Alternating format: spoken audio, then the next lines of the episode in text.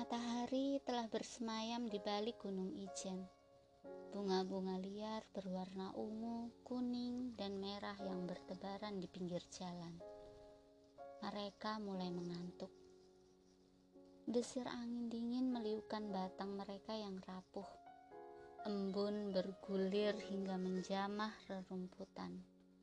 Beberapa orang tampak hilir mudik menyalakan obor di petarangan gebyok masing-masing tak ada pasokan listrik. Hanya bias padang ulan bak lentera yang menyinari temaram. Di kejauhan sana, gemericik air mancur sungai Sobo bersaing dengan pekik jenggeret yang menggebu-gebu. Kelebat kalong terbang rendah hingga desau kepaknya menjamah petarangan Manjarkoni yang mulai dipenuhi warga. Ada yang duduk di atas tikar, ada yang berdiri, dan ada yang jongkok di atas rerumputan lembab. Rambut awut-awutan, kulit bersisik, kaki kudis mereka dibiarkan tanpa alas. Baju mereka hanya setengah jarit usang yang dililitkan. Semua berkumpul dengan dan wajah-wajah lapar. Kemeran memang miskin dan bodoh. Serangga bertebangan. Di pintu masuk kemiren, belasan lelaki jalan beriringan. Sesekali asap klobot bulu jagung menutupi wajah mereka yang samar. Setelah sampai, mereka berbaur di atas tikar pandan. Bagi Bek Jaripah, kedatangan mereka menjadi perhatian sendiri. Bagaimana tidak? Kantong tebal mereka begitu mencolok. Beberapa di antaranya tampak mengerdekan kalung emas puluhan gram. Bulan telah merekah. Bintang berkedip tenang di atas gumpalan awan. Manjarkoni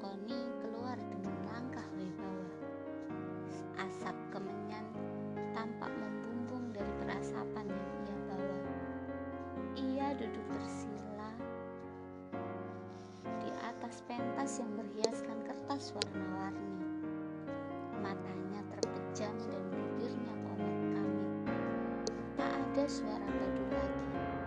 Semua menatap lelaki baru baya itu. Beberapa saat kemudian,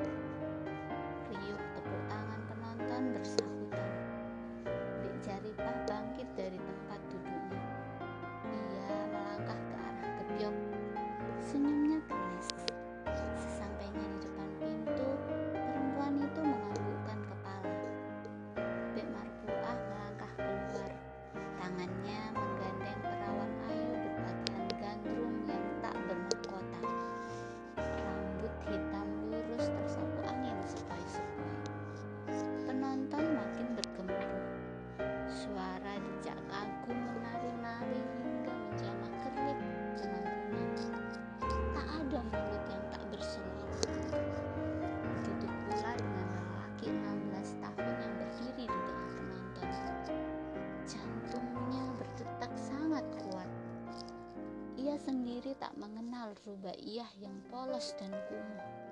Lelaki itu beradu tatapan. Bidadari kemiran terus melangkah hingga bersimpuh di kiri para penabuh. Alunan kempul man apidik terdengar makin bergemuruh. Keluncing man mat uduk tak mau kalah. Begitu pula kendang man sarwiji yang disusul ketuk man saperi. Sesekali suara mat uduk yang berlaku sebagai pengundang tampil bersemangat dengan kalimat kocaknya. Suasana makin riuh. Suara-suara penonton terbang ke sana kemari. Mereka menatap calon gandrung hingga tak rela untuk berkedip. Sesekali terdengar suara tak sabar yang berseloroh dari kerumunan. Mereka menunggu penampilan perdana Rubaiyah. Yang ditunggu hanya tersenyum kenes. Tatapan matanya menebar ke seluruh kepala yang mengitari pentas itu. Gending mengalun rendah. Manjar Koni kembali bangkit dari tempatnya bersila.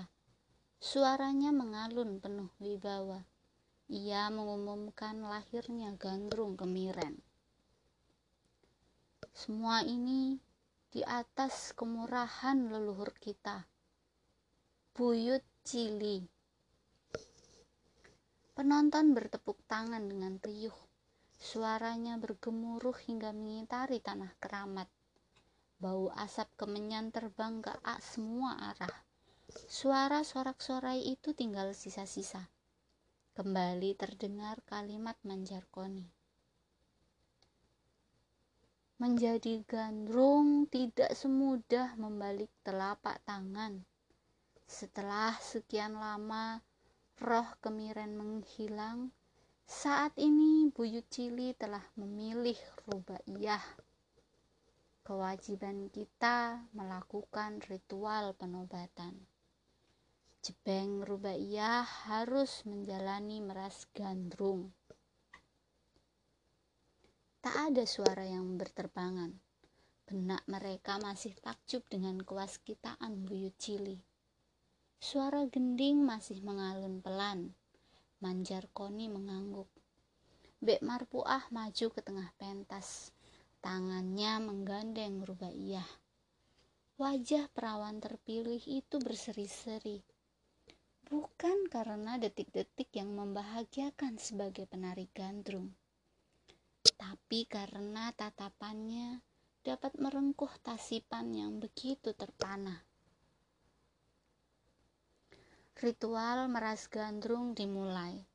Bek Marpuah menyerahkan calon gandrung kepada dukun kemiren. Riuh tepuk tangan kembali memenuhi tempat itu.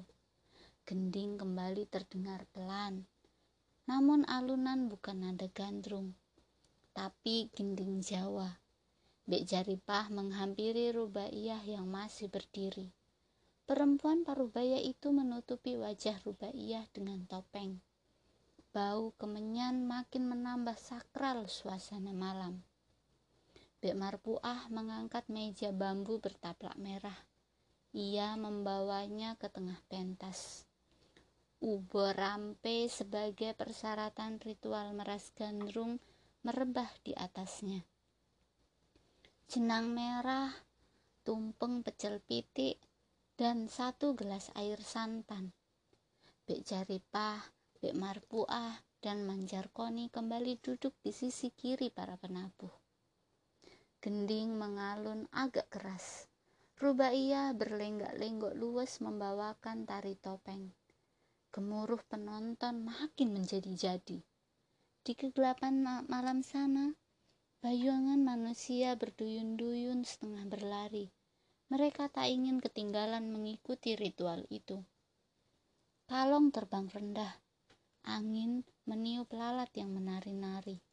Rubaiyah telah menyelesaikan tariannya. Perempuan itu duduk bersimpuh di tengah pentas. Gemulai tangannya melepas topeng. Wajah Ayu dengan senyum kenes menohok semua pandangan. Manjar Koni dan Bek Jaripah kembali bangkit dan melangkah mendekat. Rubaiyah merebah di pangkuan Bek Jaripah. Semua pasang mata menjamah tubuh Rubaiyah yang terlentang. Sastra mantra beriringan dengan bau kemenyan. Manjar Koni meneteskan ramuan ke dalam hidung bangir Rubaiyah perempuan terpilih itu bergetar kuat hingga menambah birahi tatapan lelaki yang tak berkedip.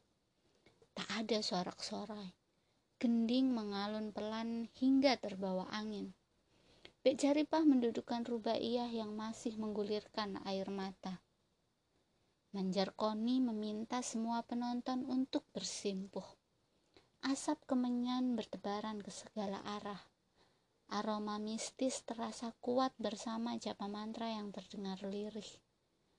Suara binatang malam bersorak-sorai di kejauhan sana. Manjar Koni membuka peti kayu.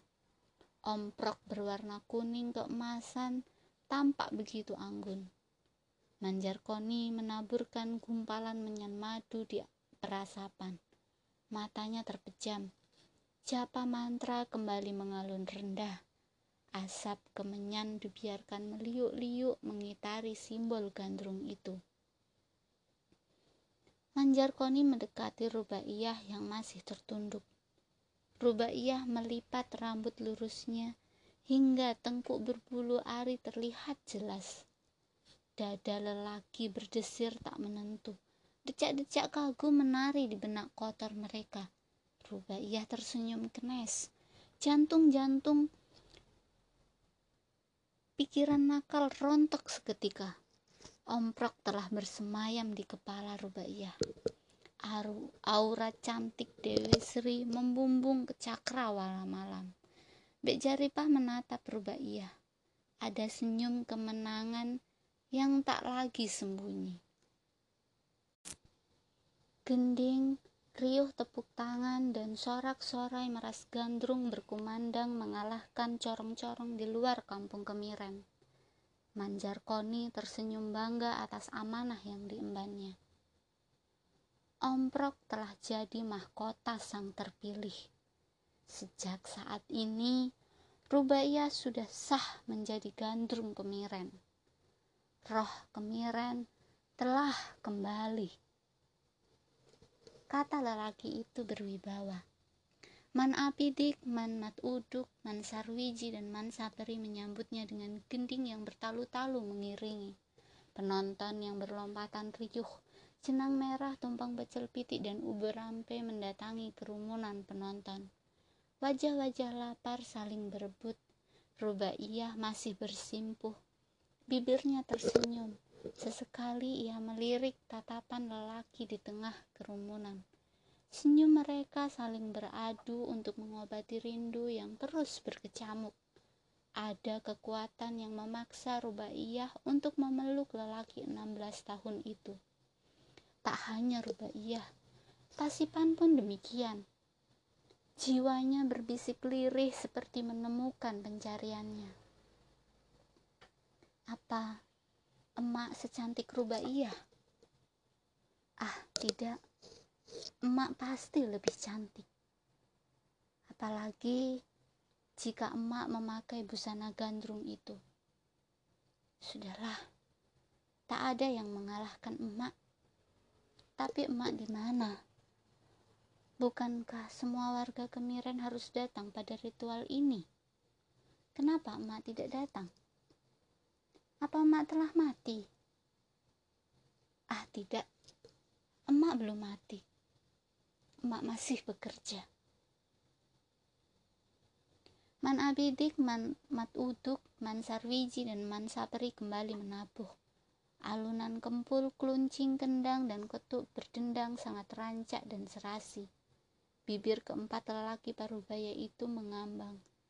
Tatapan penuh harap merujam ke arah bidadari belambangan. Gandrung Rubaiyah tersenyum kenes.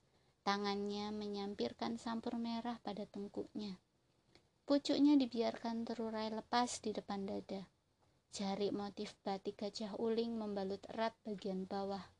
Pinggul itu tak luput dari tatapan nakal penonton. Tak ketinggalan omprok kuning keemasan yang menutup rambutnya.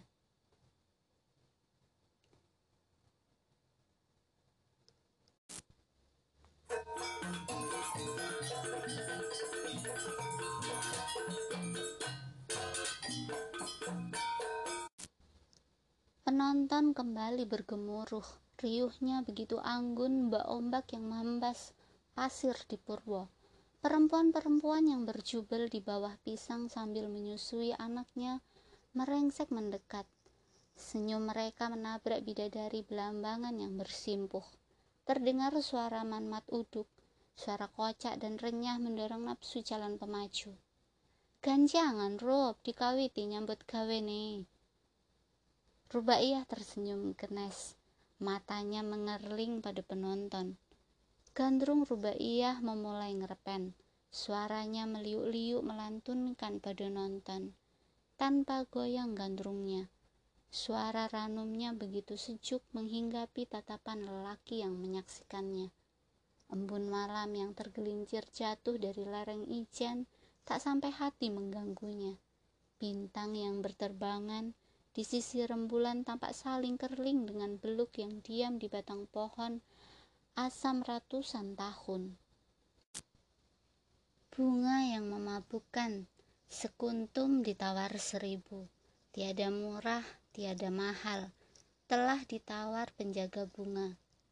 Penjajah bunga kujajarkan di temenggungan, kuiringi payung agung, melambaikan keagungan Kembang merah indah di petilaman. Ingatlah semangat Mbah Teji. Kutunggu di depan sekali. Di pendapa agung, para penguasa makan dan minum. Gemerincing senjata, keris dihunus laksana gula jawa yang mencair. Alunan gending masih terus berirama. Anak-anak kecil berkulit kudisan berlompatan tak mau kalah. Mereka Memandang ke tengah pentas, gandrung rubaiyah bangkit. Tangan lencirnya memperbaiki posisi sampur. Gandrung rubaiyah kembali meliukan suara merdu. Tubuhnya yang berbalut busana agak ketat menari jejer gandrung. Sesekali suara kocak manmat uduk melesat menggoda. Tubuh cantik gandrung rubaiyah meliuk-liuk. Tariannya bergemerincing lembut seperti ikan mujair yang menabrak pancuran air. Senyum dan kerling kenes mengiringi sembah hormat ke seluruh penonton. Senyum-senyum berterbangan, tak hanya karena tarian yang eksotik, tapi karena mata mereka melihat bentuk kelapa gading pada dada Rubaiyah. Sesekali bokongnya menghentak ke kiri dan ke kanan, bersaing dengan ritme kepalanya. Kedua tangannya pun bergemulai sangat indah. Sesekali jemarinya ngiplas sampur ke arah kerumunan penonton. Malam makin mengikat, kampung kemiren makin gaduh. Suara jangkrik di tepi sawah menggoda kerlip kunang-kunang. Senandung dan gerak tari gandrung rubaiyah makin membuat decak kagum penonton. Bek Jaripah mulai menebar perangkat. Dengan nada kenes ia meminta gandrung rubaiyah menari maju gandrung. Perempuan paruh baya itu sudah terangsang oleh keping uang yang berloncatan ternyata tersambut. Lelaki bercaket kulit hitam melangkah ke atas pentas. Kelobot bulu jagung masih terselip di sisi bibirnya. Matanya yang merah dan bernapas tua terhuyung-huyung mendekati gandrung rubaiyah yang sedang menari. Lelaki itu diam tak bergerak. Bibirnya penuh ambisi menatap leher gandrung rubaiyah yang terus bergoyang-goyang. Tatapan penonton tertuju pada mereka berdua. Menyadari gandrung rubaiyah belum berpengalaman, suara Manmat Uduk meluncur kocak. Ia meminta gandrung rubaiyah berhenti sejenak. Gandrung rubaiyah menuruti. Mata lentiknya menatap lelaki empat puluhan tahun yang tak lain adalah kusir dokar. Bibir gandrung rubaiyah sedikit tersungging Jantung lelaki itu berdesir. Alunan gending bertalu-talu. Semua penonton menatap lelaki di tengah pentas yang sedang berbisik. Tangannya merogoh kantung jaket kulitnya yang agak usang. Beberapa lembar uang berpindah pada tangan gandrung rubaiyah yang lunglai memegang sampur. Gandrung rubaiyah tersenyum, namun wajah galau tampak melukis kurat cantiknya. Mata indahnya menengok Becaripah yang ditatap mengangguk. Gandrung Rubaiyah kembali menatap lelaki yang masih memegang tangannya. Senyumnya mengambang, matanya mengerling bersama anggukan parasnya yang menentramkan. Gending gandrung menghentak. Gerak gemulai gandrung Rubaiyah terus menggoda pemaju. Semakin lama pikiran nafsu lelaki itu mempengaruhi gerak tubuhnya. Berkali-kali tarian lelaki itu berusaha memburu dan menggait gandrung rubaiyah. Ada wajah pucat yang bergelayut pada keringat dingin gandrung rubaiyah. Perempuan itu berniat menghentikan tarian nakal lelaki itu. Gandrung rubaiyah melirikan matanya ke arah Bik Jaripah. Yang dilirik menggelengkan kepala. Gandrung rubaiyah mengangguk. Ia pasrah dengan tariannya. Ketakutannya membawa pada ruang gerak yang makin sempit. Kendang menghentak-hentak. Wajah lelaki yang tak lagi muda itu hendak mencium parasnya. Gandrung Rubaiyah pucat, matanya terpejam begitu erat. Mengetahui sasarannya terjepit, dengan cepat lelaki itu memainkan gerak kepalanya. Belum sempat bibir beraroma tua itu mencium, dengan mata terpejam wajah gandrung Rubaiyah berkelit ke samping. Lelaki itu gagal. Sorak-sorai penonton makin bergemuruh. Gandrung Rubaiyah membuka matanya. Senyum kenes membalut bibirnya yang bak pualam. Lelaki itu makin bernafsu. Ia kembali bersiasat untuk mengulangi, tapi suara kocak namun renyah Manmat Uduk menghentikan gerak tarinya. Nafsu pemaju itu melengus kesal, langkah gontainya menuruni pentas. Nafsunya yang tak tersalurkan menekan ubun-ubun kepalanya hingga terasa nyeri. Kemiran telah melewati pusat malam. Kerlip bintang-bintang mengitari rembulan. Tasipan menatap tegang dari tengah hiruk pikuk penonton. Tangannya terkepal kuat, tubuhnya bergetar. Tasipan menatap kuat lelaki berjaket kulit yang melangkah turun. Dengus nafasnya naik turun bersaing tabuh kendang yang menghentak-hentak. Di tengah pentas, gandrung rubaiyah kembali menari. Olah tubuh dan lantun suaranya makin memancing birahi penonton. Lelaki gemuk yang terbahak-bahak melintasi tasipan. Sorak-sorai kawannya yang menuang tua memantapkan langkah kaki sombongnya. Ia melangkah ke tengah arena. Gandrung Rubaiyah melantunkan tembang. Matanya mengerling. Sama seperti pemaju pertama. Tanpa berlama-lama, ia menyerahkan kantong seukuran kepala anak-anak yang terikat di samping celana kolornya. Suara gemerincing koin jatuh di telapak rubaiyah yang wangi. Bek jaripah terbelalak. Tatapannya memancarkan aura hijau. Senyum kenesnya bergelantungan di bawah ilalang. Alunan tabu gandrung kembali menghentak-hentak. Gemulai tubuh gandrung rubaiyah kembali menggemaskan. Pemaju gemuk tak ingin kalah. Lelaki itu mengikuti gerak tari gandrung rubaiyah. Suara riuh penonton makin menggema. Tatapan lelaki itu merujam pada molek dada gandrung rubaiyah. Lelaki itu bergerak nakal. Wajahnya yang tambun hendak mencium dada itu. Gandrung rubaiyah dengan gesit merubah langkah kakinya. Lelaki itu hanya mencium ruang kosong. Suara pengudang menggoda. Gelak tawa pecah dari kerumunan penonton. Darah lelaki itu mendidih.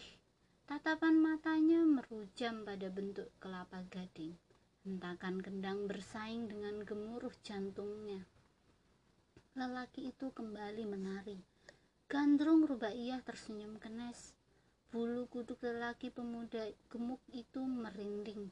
Ia kembali ingin mencium dada gandrung rubaiyah yang melek itu. Gandrung Rubaiyah berhasil membaca langkah kakinya yang bernafsu. Gagal lagi. Ia mengulangi lagi. Namun gagal lagi. Lelaki itu diam, tak menari. Ia hanya menatap Gandrung Rubaiyah yang begitu gemulai. Tepat ketika Gandrung Rubaiyah meliukan badannya sambil menghempaskan sampur, lelaki itu merengsek maju untuk mencium dada. Gandrung Rubaiyah tersentak dengan cepat tangannya menahan muka lelaki itu. Sopan si rikole, ujar gandrung rubaiyah. Kejadian itu memancing Manmat Uduk kembali berselorah. Suaranya yang kocak namun renyah mengundang tawa para penonton. Lelaki itu tertunduk lesu. Ia melangkah mundur meninggalkan pentas. Lelaki gemuk itu turun dari pentas ia berpapasan dengan lelaki berkalung emas puluhan gram yang melangkah ke tengah pentas. Wajahnya penuh bulu, matanya terus melotot. Gandrung ia berdesir. Tak banyak yang ia lakukan kecuali menyambutnya dengan senyum kenes. Lelaki berewok tanpa alas kaki itu tertawa berbahak-bahak. Suaranya yang berat begitu menggema kerbauku baru laku, jadi menarilah denganku. Gandrung Rubaiyah tersenyum. Sesekali lehernya yang semampai bergerak-gerak ke kiri dan ke kanan membuat hiasan emas di atas omprok bergoyang. Tangan lelaki itu melepas kalung rantai yang dikenakan. Sinar emas begitu kontras dengan kulitnya yang hitam. Lelaki itu merapat ke gandrung rubaiyah. Tubuh mereka hampir bersentuhan. Lelaki itu melirik ke bawah, matanya leluasa menikmati sepasang daging yang hampir menyembul keluar. Gandrung rubaiyah hendak melangkah mundur, tapi kedua tangan kekar bergelang ke akar bahar menatapkan kalung emas itu kepada mata letik itu. Perempuan itu terdiam. Sepertinya ia terhipnotis oleh sinar yang menyilaukan matanya. Gandrung Rubaiyah tersenyum kecut Pikirannya menerawang. Selama hidup, ia tidak pernah melihat kalung sebesar itu. Paling-paling hanya Bek Jaripah yang memiliki perhiasan emas. Tapi, tidak yang sebesar itu. Kalaupun Gandrung Rubaya ingin memiliki, maka ia harus melakukan pertunjukan ratusan kali. Gandrung Rubaya tersentak oleh suara kendang. Ia kembali hendak menari, namun lelaki itu menjulurkan kedua tangan kekarnya ke leher indah Gandrung Rubaiyah. Mata lelaki itu masih melirik ke bawah. Kalung itu melingkar pada lehernya. Semua mata terbelalak tak percaya. Gandrung Rubaiyah terpana. Tak ada kata-kata yang meluncur dari bibir merahnya. Hanya senyum kenes yang mengerlingkan mata lelaki berwajah sangat itu. Lelaki itu berbisik, Pakailah kalung ini jika kamu memuaskan, maka kalung ini menjadi milikmu. Ujar suara itu setengah berbisik. Angin berdesir pelan. Hawa dingin menyapu kulit-kulit bersisik. Keringat dingin menganak sungai. Pengudang kembali mengocak perut penonton. Ritme gending gandrung terus bertalu-talu hingga berganti lagu. Gandrung Rubaiyah masih menari. Senyumnya terpana dengan gemerincing emas yang melingkar di lehernya. Wajah lelahnya hilang entah ke mana. Gerak gemulainya terus mendayu sesuai permintaan lelaki sangar itu. Sesekali ia menelan ludahnya untuk membasahi tenggorokan keringnya. Sama seperti dua lelaki sebelumnya. Berkali-kali tarian lelaki itu melakukan serangan-serangan nakal Gandrung Rubaiyah hanya tersenyum. Ia masih terbuai dengan kalung emas yang menguntai di lehernya. Ia hanya bertahan dengan gerak siasat kreatifnya. Kalaupun lelaki itu terus memburu, dengan sigap Manmat Uduk melantangkan suaranya yang kocak. Penonton terbahak-bahak melihat tingkah pemaju itu. Pemaju mendengus kesal. Lenggok pinggul gandrung rubaiyah terus memaksa birahi binalnya. Lelaki itu membangun siasat. Ia menghempaskan tangannya hingga mengelus pinggul gandrung rubaiyah. Perempuan itu hendak menghardik. Dengan sigap, lelaki itu menggerakkan tangannya seolah meminta maaf. Tingkah itu tersambut oleh senyum sumbang gandrung rubaiyah. Gerak tari dan lantunan lagu kembali membelai kampung kemiren. Lelaki itu kembali menari. Olah tubuhnya berganti siasat Berkali-kali ia berputar-putar. Gandrung Rubaiyah mengikuti hingga rasa mual menekan perutnya yang terlilit jarit. Lelaki berwajah sangar itu tersenyum. Dengan cepat tangan kirinya menjulur hingga agak meremas gundukan dada Gandrung Rubaiyah. Perempuan itu terkejut. Ia kembali hendak menghardik. Namun belum sempat kata-katanya keluar, tangan lelaki itu kembali bersimpuh minta maaf. Jari telunjuk lelaki itu berputar pada lehernya sendiri. Ada kerling kenes yang membuatnya membusungkan dada. Gandrung Rubaiyah tersenyum. Gending gandrung masih berputar-putar dari lagu satu ke lagu yang lain. Gerakan lelaki dan perempuan di tengah pentas itu kembali berirama. Lelaki itu menatap bibir sekar dalu yang menyungging. Desir birahi kembali menukik ke sulur-sulur otak lelaki itu. Strategi nakal ia siapkan. Ia menari cepat, tubuhnya berputar-putar. Gandrung Rubaiyah mengikuti tarian itu. Tatapannya waspada. Ia tak ingin kecolongan oleh tingkah pemaju yang menggebu-gebu itu. Sesekali mata gandrung Rubaiyah melihat jejak kaki yang dipenuhi bekas lendut itu. Setiap kaki bersisik penuh bulu bergerak mendekat. Gandrung Rubaiyah melangkah mundur sambil berputar. Semakin lama gelagat itu terbaca oleh pemaju. Birahinya tampak bergemuruh hingga memerah, memerahkan mata melototnya. Ia kembali melancarkan serangannya. Sayang, buruannya bisa lepas dengan apik. Irama gending gandrung beriringan dengan suara penonton yang terbahak-bahak. Pemaju makin bernafsu. Dan benar saja, ketika gandrung rubaiyah hendak menghempaskan sampurnya, dengan cepat Kepala lelaki itu menerobos melewati lengan lencir yang agak terangkat. Bau tua merujam ke arah wajah gandrung Rubaiyah. Bibir moncong penuh bulu hendak menempel bibir merahnya. Dengan sigap, gandrung Rubaiyah menghempaskan sampur merahnya ke wajah pemaju. Mata lelaki itu terpejam perih. Belum sempat ia membuka mata tangan kanan gandrung Rubaiyah terangkat ke arah para penabuh ketimbang Riko Ambung menden leren sulung biaen ujar gandrung rubaiyah sinis muka pemaju memerah matanya melirik ke arah penonton yang terbahak-bahak lelaki itu menunduk kikuk langkah gontainya tampak menahan nafsu yang berkelana pada jiwa beraroma tua Manmat uduk menggoda. Suaranya mengalun renyah di antara genting gandrung yang masih berirama. Gelap masih menyelimuti kemiren.